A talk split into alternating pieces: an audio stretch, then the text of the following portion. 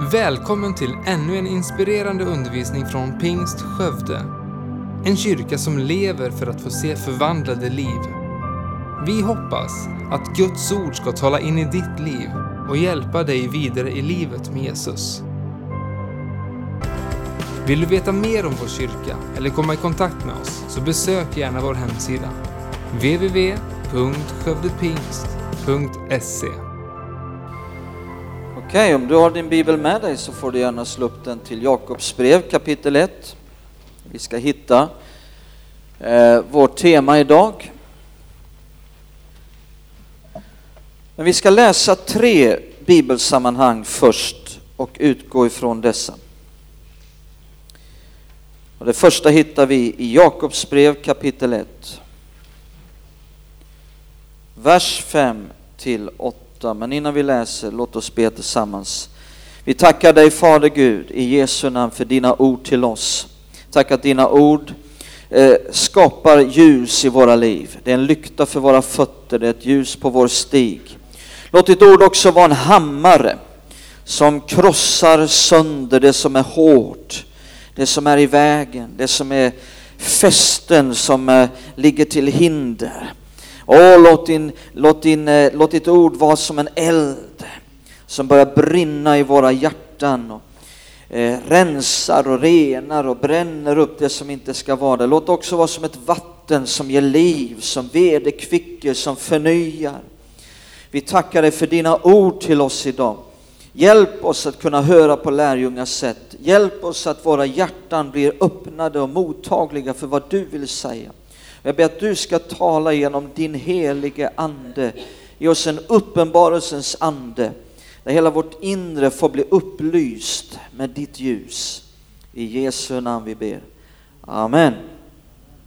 Det står så här i Jakobs brev kapitel 1, vers 5 till 8. Om någon av er brister i visdom skall han be till Gud som ger åt alla villigt och utan förebråelser och han ska få den men han skall be i tro utan att tvivla. Kan han säga tvivla? Han ska be i tro utan att tvivla. Till den som tvivlar liknar havets våg som drivs och piskas av vinden. En sådan människa ska inte tänka att hon kan få något av Herren, splittrad som hon är och ostadig på alla sina vägar. Så läser vi också i Matteus evangelium det 21 kapitlet. Matteus 21. Känns som att det är lite dåligt ljus på scenen. Är det bara jag som tycker det? Jag ser knappt vad jag läser. Brukar det vara så här? Är, det, är allt som det ska vara? Ja, bara är allt det som det ska vara.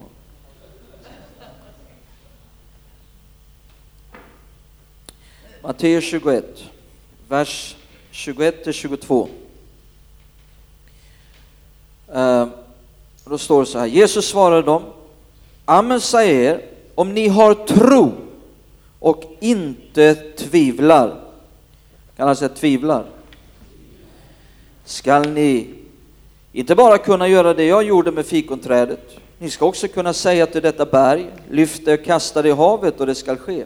Allt vad ni ber om i er bön skall ni få när ni tror. Ett tredje bibelställe, Matteus 28.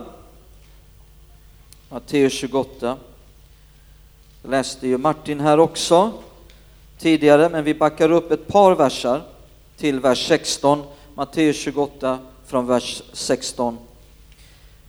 De elva lärjungarna begav sig till det berg i Galileen dit Jesus hade befallt dem att gå. Och när de såg honom tillbad de honom, men andra tvivlade. Kan alla säga tvivlade?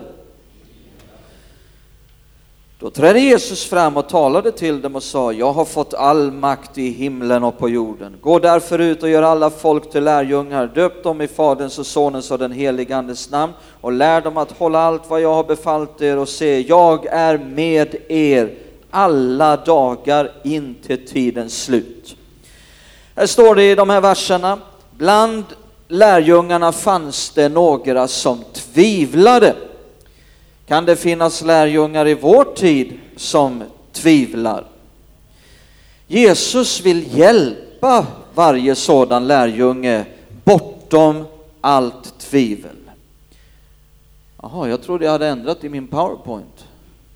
Det har jag inte uppdaterat, det är det där med Dropbox och uppdateringar och så vidare. Eh, vi, jag kom på att jag ville kalla det för bortom allt tvivel. Nu står det utan skuggan av allt tvivel, så nu hjälper de mig i all hast här att få det rätt. Jag är fortfarande utan skuggan av tvivel. Det är ganska bra det också, när man, det inte finns en enda skugga av tvivel. Jesus vill hjälpa varje lärjunge bortom allt tvivel. Vad gjorde Jesus här?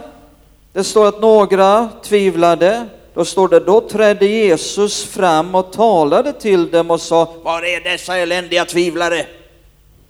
Nej, han styrkte dem. Det var vad han gjorde. Jesus hjälpte många människor i evangelierna att komma bortom allt tvivel. Och vi ska se tre stycken sådana idag och vi ska lära oss om tvivel utifrån dessa tre personer. Ehm, den första eh, vi ska göra är att läsa Judas brev, vers 22. Judas brev, vers 22. I Judas brev, innan Uppenbarelseboken, vers 22, så står det sådana som tvivlar skall ni vara hårda mot. Nej, så står det inte. Sådana som tvivlar skall ni vara barmhärtiga mot. I församlingar kan finnas en risk att det odlas en attityd gentemot nya människor. Att om man inte omfamnar allt som vi tror på på en veckas tid så blir vi oroliga. Och därför så kan det bli så att ingen vågar erkänna att man har tvivel. Bibeln säger var barmhärtig. Och vi ska se en som Jesus var väldigt barmhärtig med, det var Thomas. Johannes 20, vi läser om Thomas där. Så ser vi det första som vi ska lära oss om dessa bitar. Och det första jag vill säga, min första punkt är att var barmhärtig mot tvivlare. Det är min första punkt idag. Johannes 20, vi läser från 24 till 29. Thomas, en av de tolv, han som kallades Tvillingen, hade inte varit med dem när Jesus kom. De andra lärjungarna sa nu till honom, vi har sett Herren. Men han svarade dem, om jag inte får se hålen efter spikarna i hans händer och sticka fingret i hålen efter spikarna och inte får sticka min hand i hans sida så kan jag inte tro. Åtta dagar därefter samlades hans lärjungar igen där inne och Thomas var med bland dem. Då kom Jesus medan dörrarna var låsta och stod mitt ibland dem och sa frid vare med er. Sedan sa han till Thomas, räck hit ditt finger och se mina händer och räck hit din hand och stick den i min sida och tvivla inte utan tro. Thomas svarade honom, min Herre och min Gud. Jesus sa till honom, därför att du har sett mig tror du, saliga är de som tror fastän de inte ser.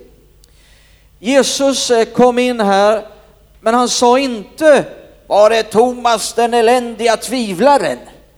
Nu ska jag banka vett i honom. Nej, Jesus hjälpte honom. Eh, med en eh, fast men ändå mild hand så hjälpte han Thomas. Eh, samtidigt som vi måste se till att vi är barmhärtiga mot tvivlare, säger Bibeln, och Jesus var det, så finns ett annat dike. Eh, ena diket är man hård mot tvivlare. Det finns ett annat dike också, det är när man kapitulerar och, och säger, eh, vilket också då är livsfarligt, ja man har ju sina tvivel och det kan man aldrig bli fri ifrån. Jo då, Jesus vill hjälpa dig. Det finns hjälp från Jesus. Och eh, Jesus hjälpte Thomas till att komma bortom alla tvivel och bli en trons apostel som sedermera åkte till Indien. Ehm, Jesus sa inte heller, eh, försök att inte tvivla. Nej, han sa till Thomas, tvivla inte. Du vet om eh, man försöker någonting, eh, då finns ju alltid en osäkerhet om man kan klara av det. Och Jesus sa inte försök att inte tvivla, nej han sa tvivla inte. Eh, Jesus vet om vi kan eller inte. Om han säger att vi kan, då kan vi det. Så Jesus vill på en gång ge det mycket hoppfulla budskapet att eh, du kan få komma till en plats där du är bortom alla tvivel. Det tycker jag är ett väldigt bra budskap. Du förstår att tvivel är en plats som vi alla besöker på vägen mot en stark tro. Vi måste liksom begripa vad det här handlar om och få en avslappnad syn på det hela. Det är en plats vi alla besöker på väg till en stark tro. Tvivel är en mycket naturlig process eh, som det faktiskt går att komma igenom och komma bortom. Tvivel är nämligen inte motsatsen till tro. Motsatsen till tro är otro. Det är en, en människa som säger, eh, som helt enkelt inte vill tro.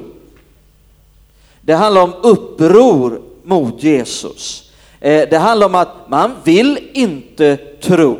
Man vill eh, få vara sin egen herre. Man vill inte underordna sig Jesus. Det här är otrons sanna natur. Man vill inte tro. Tvivel är någon som vill tro, som ofta är på väg mot en stark tro och trons säkra grund, men som just nu befinner sig mellan två alternativ. Det kan vara så och det kan vara så. Eh, otron kan eh, skapa en rökridå av tvivel.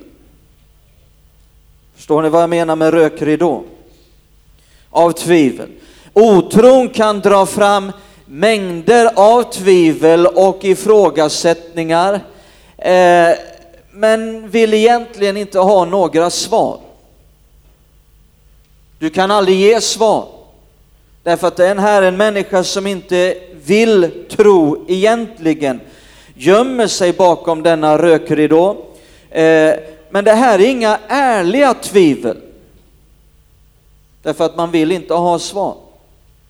Bakom rökridån hos otron så finns ett hjärta som vill vara sin egen herre. Vad är då tvivel för någonting? Vi har först talat här om var barmhärtig mot den som tvivlar. Nummer två, vad är tvivel? Ja, vi ska se Matteus evangelium 14. Där får vi en väldigt bra definition på vad tvivel är. Matteus 14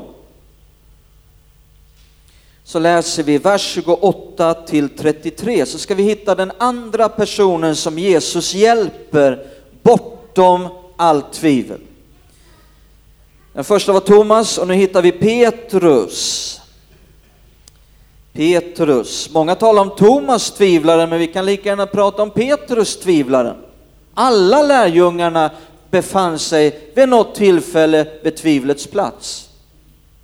Här i Matteus 14 och vers 28 och framåt så står det eh, Petrus sa, Herre om det är du, så befall att jag ska komma till dig på vattnet. Jesus var ute och gick på vattnet där.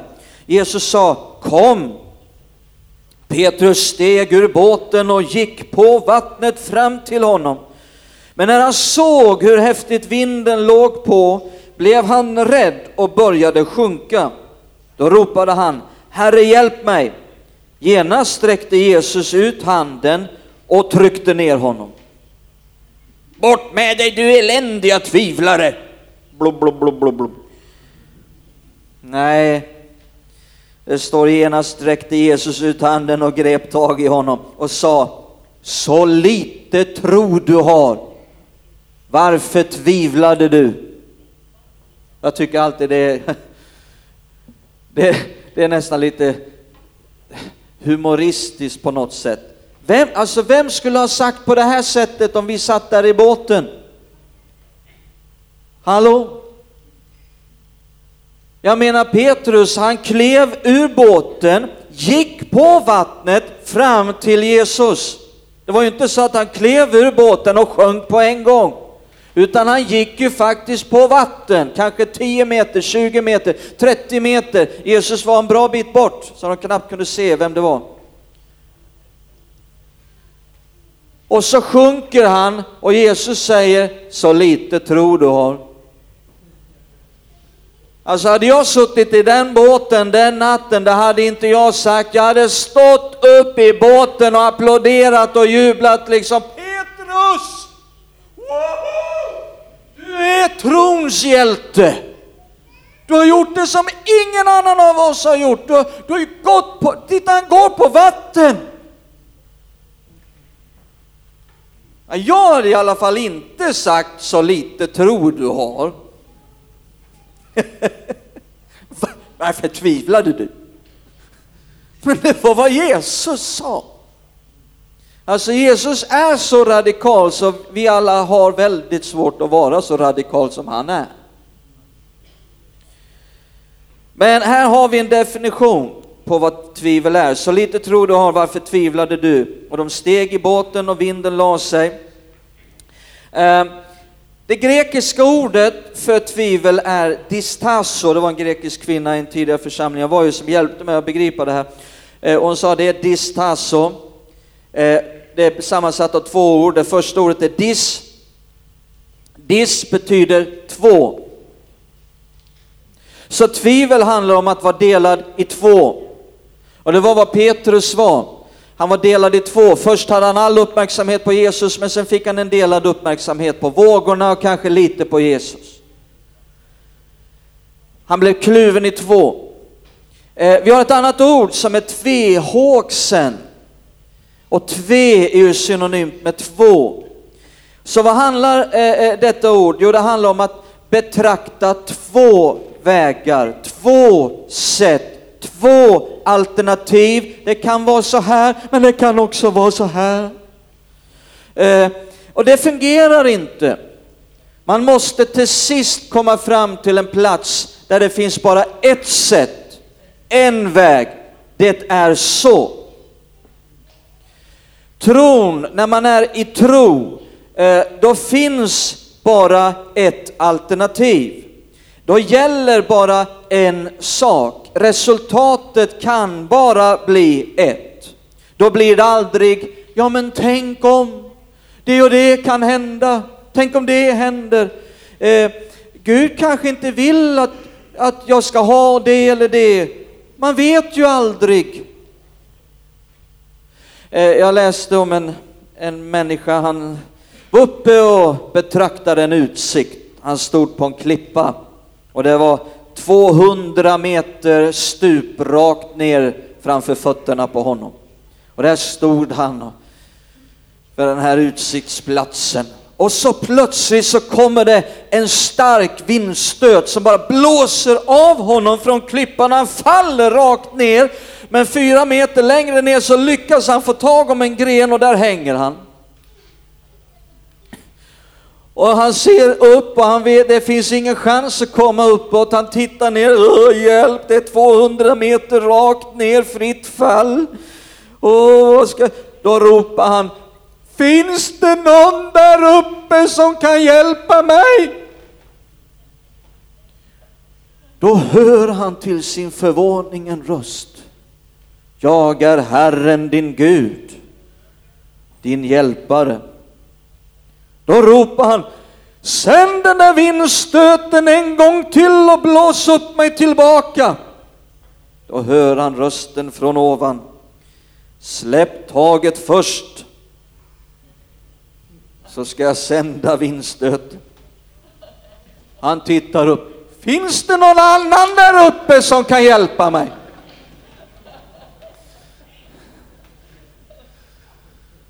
Ja, det kan vara sådär när vi i vår process. Eh, vi lever i ett upplyst samhälle där människor kan faktiskt tänka att det är ett tecken på intelligens om man eh, kan beakta och även citera många olika teorier och alternativ och möjligheter. Och denna upplysta generation är också kanske den mest förvirrade generationen vi någonsin haft. Människor är förvirrade därför att de beaktar något som de inte ska. Det är så här att så snart du har fått tag om vad Gud har sagt och det verkligen är på ett äkta och genuint sätt du vet vad Gud har sagt, då finns ingen anledning att beakta något annat. Jakob säger, vi läste det var det första bibelstället, och sa han, den som tvivlar är som havets våg. Kommer ni ihåg det vi läste det? Den som tvivlar är som havets våg. Hur beter sig en våg? Ja, den går upp och den går ner. Och den går upp och den går ner. Så är ju en, en våg. Eh, eh, och så är det för den som tvivlar, det går upp och det går ner. Gud kommer att göra det, han kommer att göra det, han kommer inte att göra det. Gud är min försörjare. Åh, vad mycket räkningar. Det går upp och det går ner. Eh, men det måste bli en väg till sist. En väg, ett sätt. Det sker. Därmed jämt. Jesus hjälpte Petrus att komma bortom allt tvivel. Eh, tryckte inte ner honom. Min sista punkt är, hur uppstår tvivel? Vi har sett, var barmhärtig mot den som tvivlar. Jesus är det och vill hjälpa med en mild och fast hand. Det andra är, vad är tvivel? Det tredje är, hur uppstår tvivel? Och vi ska se på en tredje person i Matteus 11 som Jesus hjälpte bortom allt tvivel. Matteus 11, vers 2-6. Johannes, döparen, fick i fängelset höra talas om Kristi gärningar. Han sände då bud med sina lärjungar och frågade honom, är du den som skulle komma eller ska vi vänta på någon annan? Jesus svarade dem, gå och berätta för Johannes vad ni hör och ser.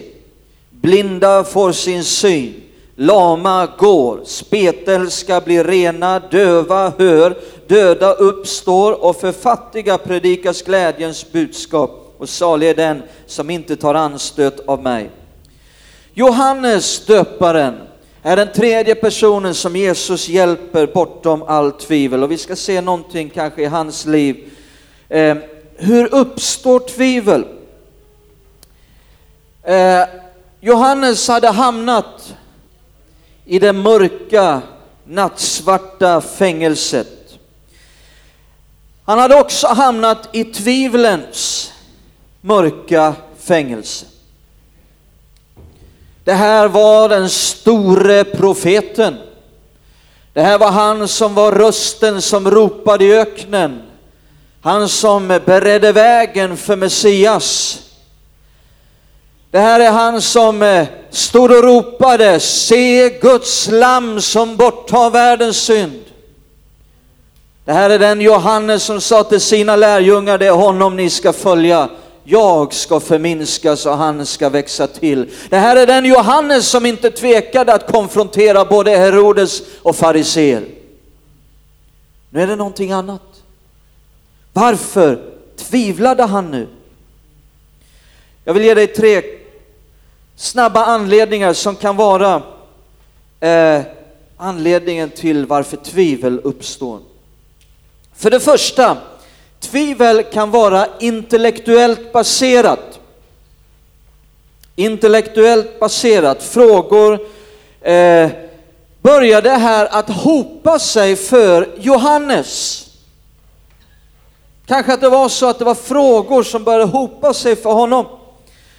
Om Jesus är Messias, varför är då allt fortfarande som det är? Varför är det fortfarande så här mörkt? Varför känns det som att mörkret fortfarande råder? Kanske att Jesus inte är Messias. Johannes fick det inte att gå ihop. Men lägg märke till att Jesus återigen fördömer inte Johannes. Inga hårda ord, utan återigen vill han hjälpa en fantastisk människa bortom allt tvivel. Och jag tänker så här att om Thomas, Petrus, Johannes döparen kunde drabbas av tvivlets process. Ja, vilka är då vi att tänka att vi aldrig hamnar där? Men Jesus sa inte heller, ja man har ju sina tvivel, jag tvivlar ju själv ibland och det går ju aldrig att bli fri ifrån. Nej, han hade inte den här attityden heller. Utan han hjälpte Johannes att komma till en plats, komma bortom, komma, komma igenom och komma bortom allt tvivel.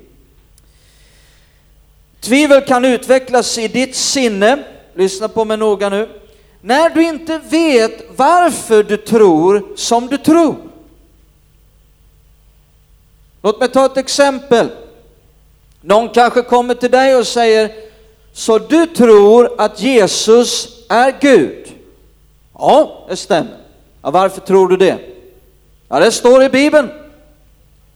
Och så tar du fram din bibel och visar, här står det att Jesus är Gud. Ja, men säger den här människan, eh, du kan väl inte mena att jag ska tro på det där bara för att det står i en bok? Ja, varför inte det? Ja, men vi lever ju faktiskt på 21 århundradet. Och det vet väl alla att den där boken är full av fel och brister. Och plötsligt kommer tvivel som handlar om Bibelns trovärdighet. Vad ska du göra då? Ja, det är för sent. Vi körde det förra hösten i lördagsbibelskolan. Som du missade. Nej, där hade vi läran om skriften, skriftens trovärdighet och det här. Och det är faktiskt något oerhört viktigt att jobba med. Som i det läget kan hjälpa dig att tvivlen inte börjar krypa in.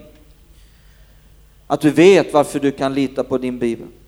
Eh, men vad ska du göra? Ja, vad säger Bibeln? Eh, Romarbrevet 10 och 17, där står det att hur tron kommer, hur jag kan komma genom eh, tvivlets plats och process och komma bortom allt tvivel till trons säkra grund. Romarbrevet 10 och 17 säger att tron kommer av att höra Kristi ord. Sök svaren. Bibeln tål att prövas och granskas, min vän. Sök svaren. Jesus sa att den som söker med ett ärligt hjärta, det vill säga kommer att finna det han söker. Vad gjorde Johannes i det här tvivlet? Ja, han skickade bud till Jesus. Han sökte hjälpen från Jesus. Sök alltid hjälpen från Jesus. Många är kvar i sina tvivel därför att de går och frågar andra som tvivlar. Men vad, vad, vad, ska du göra? Till exempel om du får fel på datorn och du behöver datasupport. Var söker du hjälp då? Simon. Precis. Klasse vet hur man gör. Klasse åker alltså inte upp till Coop Forum och frågar han som står och säljer fisk utanför Coop Forum. Nej, man går och frågar experten. Gå till Jesus, bär fram det, sök hjälpen från honom som kan hjälpa dig så ska du få se vad som händer. Så nummer ett, tvivel kan vara intellektuellt baserat. Eh, för det andra kan tvivel vara känslomässigt baserat.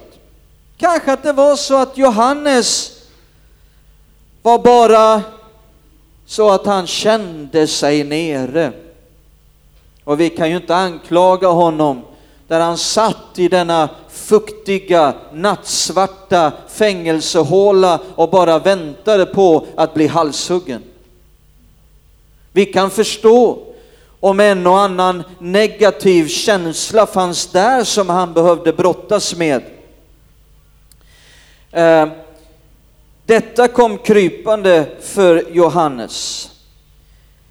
Och då är det ju så att intellektuella svar kanske inte hjälper någonting för den som har ett känslomässigt baserat tvivel. Vi har känslomänniskorna.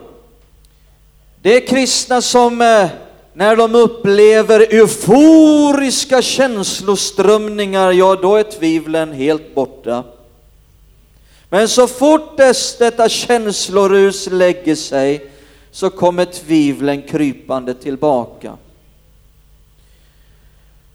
Vad ska dessa då göra som också kanske går igenom kraftiga humörsvängningar och känslomänniskor? Vad är räddningen för dessa? Ja, det är ju att börja lära sig att inte längre basera sitt liv på känslor, att bli sant andliga istället för själiska. Ja, hur ska jag då bli sant andlig istället för själisk? Ja, det har du också missat då för att det körde vi den här terminen i lördagsbibelskolan. Nej, jag bara skojar med er. Eh, men det är absolut en räddning att inte längre basera sitt liv på känslor. Att inte längre vara en själisk kristen utan mogna och bli en andlig kristen. För det tredje, det sista jag vill nämna, hur uppstår tvivel? Ja, tvivel kan också ha sin grund i den fria viljan. Alla de här tre sakerna sitter i människans själsdimension, intellekt, känslor och den fria viljan. Tvivel är någonting som sitter i din själ, inte i din ande. Du kan ha tro i ditt hjärta och tvivel i ditt huvud, visste du om det? Och därför, när man talar om de här själiskt relaterade sakerna, så blir det just det som är eh, nyckelorden för att beskriva människans själ, intellekt, känslor, den fria viljan. Den fria viljan sitter i din själ, inte i din ande. För det tredje kan tvivel ha sin grund just i denna fria vilja. Och det är när en kristen väljer av fri vilja att inte vända om från ett vanemönster i synd. Eh, som gör att den människan då tappar friden. Det skapas en känsla utav att vara skild från Gud, att Gud känns avlägsen. Den människan kan då börja tvivla på att Gud är där överhuvudtaget. Och alla möjliga slags tvivel kan då börja komma krypande. Den underliggande orsaken är den fria viljan som nu har valt att inte vända om från ett vanemönster i synd. Och vad är då botemedlet mot dessa tvivel? Omvändelse. Omvändelse. Jesus, har ni lagt märke till att Jesus alltid sa så här, omvänd er och tro. Omvänd er och tro. Omvänd er och tro evangelium. Läser man i Hebreerbrevet 6 så listas grundläggande läror om Kristus. Och där står det just att den första läran är omvändelse från döda gärningar och så kommer den andra tro på Gud. Det är som att det alltid är i den ordningen, att det är väldigt svårt att nå fram till den här platsen utav den här säkra, bergfasta tron om det inte först har blivit en omvändelse. Omvändelsen blir botemedlet. Tack för att du lyssnat.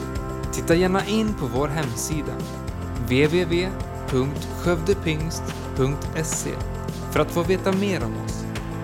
Och glöm inte att du alltid är välkommen till vår kyrka